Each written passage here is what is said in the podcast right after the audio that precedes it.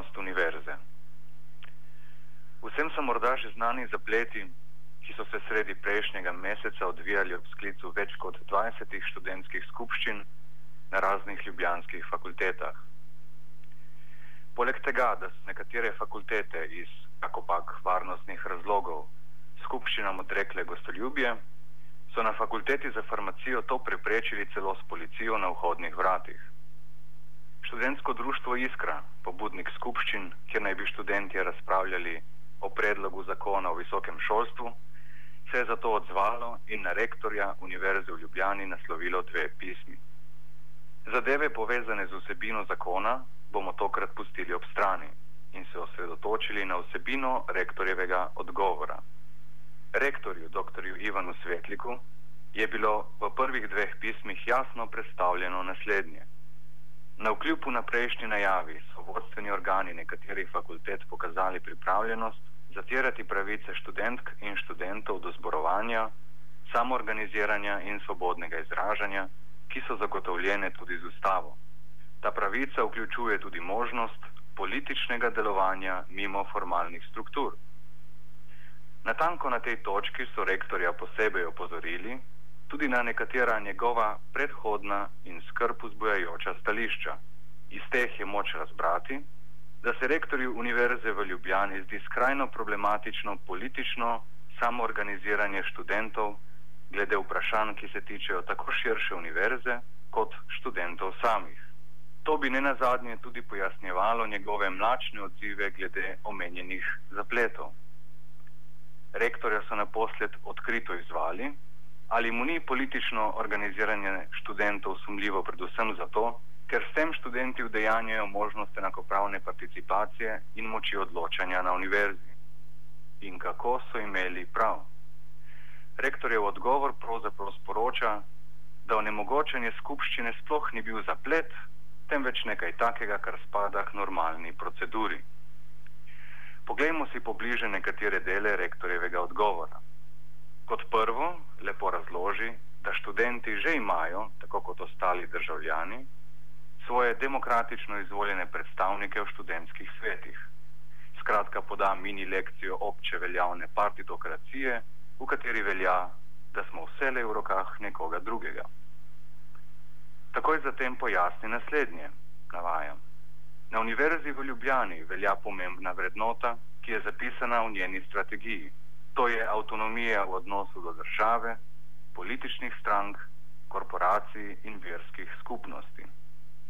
Zato se študenti in zaposleni seveda lahko tudi politično organizirajo in udejstvujejo, vendar ne na univerzi in pod njenim okriljem. Konec navedka. Natanko to temeljno vrednoto naj bi po rektorjevem mnenju kršili na študentskih skupščinah. Namreč iz opisa aktivnosti na skupščinah navajam, kot so nenajavljeno razlaganje stališč študentom, nepripravljenost identifikacije organizatorjev zborovanja, deljenje letakov in podobno, je moč sklepati na motenje delovnega procesa in elemente političnega delovanja. Zato je bilo opisano ravnanje dekana razumljivo in upravičeno. Konec navedka. Če upoštevamo to, da te besede izgovarja ravno rektor, ki je še nedavno nazaj kandidiral na listi stranke socialnih demokratov in ki zdaj stoji na čelu univerze, katera je sprejela in se ravna po strategijah in vizijah, kot jih imajo poslovne družbe, lahko kot prvo ugotovimo to, da je omenjena temeljna vrednota že grobo kršena strani vodstvenih in akademskih struktur same univerze. Vprašati pa se velja naslednje. Kaj je tisto grozeče v tako imenovanih elementih političnega delovanja študentov, ki bojda motijo delovni proces torej tisto, čemu je univerza tako zvesto namenjena. Odgovor je preprost in sploh ne zadeva vsebine, pa tudi političnih strank ne. Tisto grozeče je natanko tisto politično delovanje mimo formalnih struktur. Tista skupnostna samorganizacija študentov, ki zahtevajo razpravo, predvsem pa zahtevajo enakovredno udeležbo in obravnavo pri odločanju o temeljnih vprašanjih univerze. To je politično delovanje študentov, ki preprosto sporoča. Mi smo del univerzitetne skupnosti in zato naš glas še kako šteje.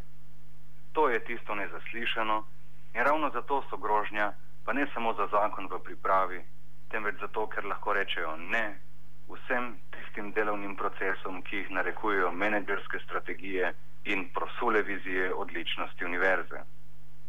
To vrstno dejavnost ali tiho onemogočanje samorganizacije lastnih študentov lahko štejemo kot del splošnega pojava politične nepismenosti. Ta vrsta najhujše nepismenosti ne more ločiti med politično stranko na eni strani in z možnostmi političnega delovanja na drugi. V tej vrsti nepismenosti je to dvoje eno in isto, torej politična stranka. V rektorjevem odgovoru lahko v živo sledimo, kako skupnostno samoorganiziranje študentov, torej tiste nezaslišane elemente političnega delovanja, hladnokrvno diskvalificira, čež da gre za politično stranko, ki ne sodi na univerzo.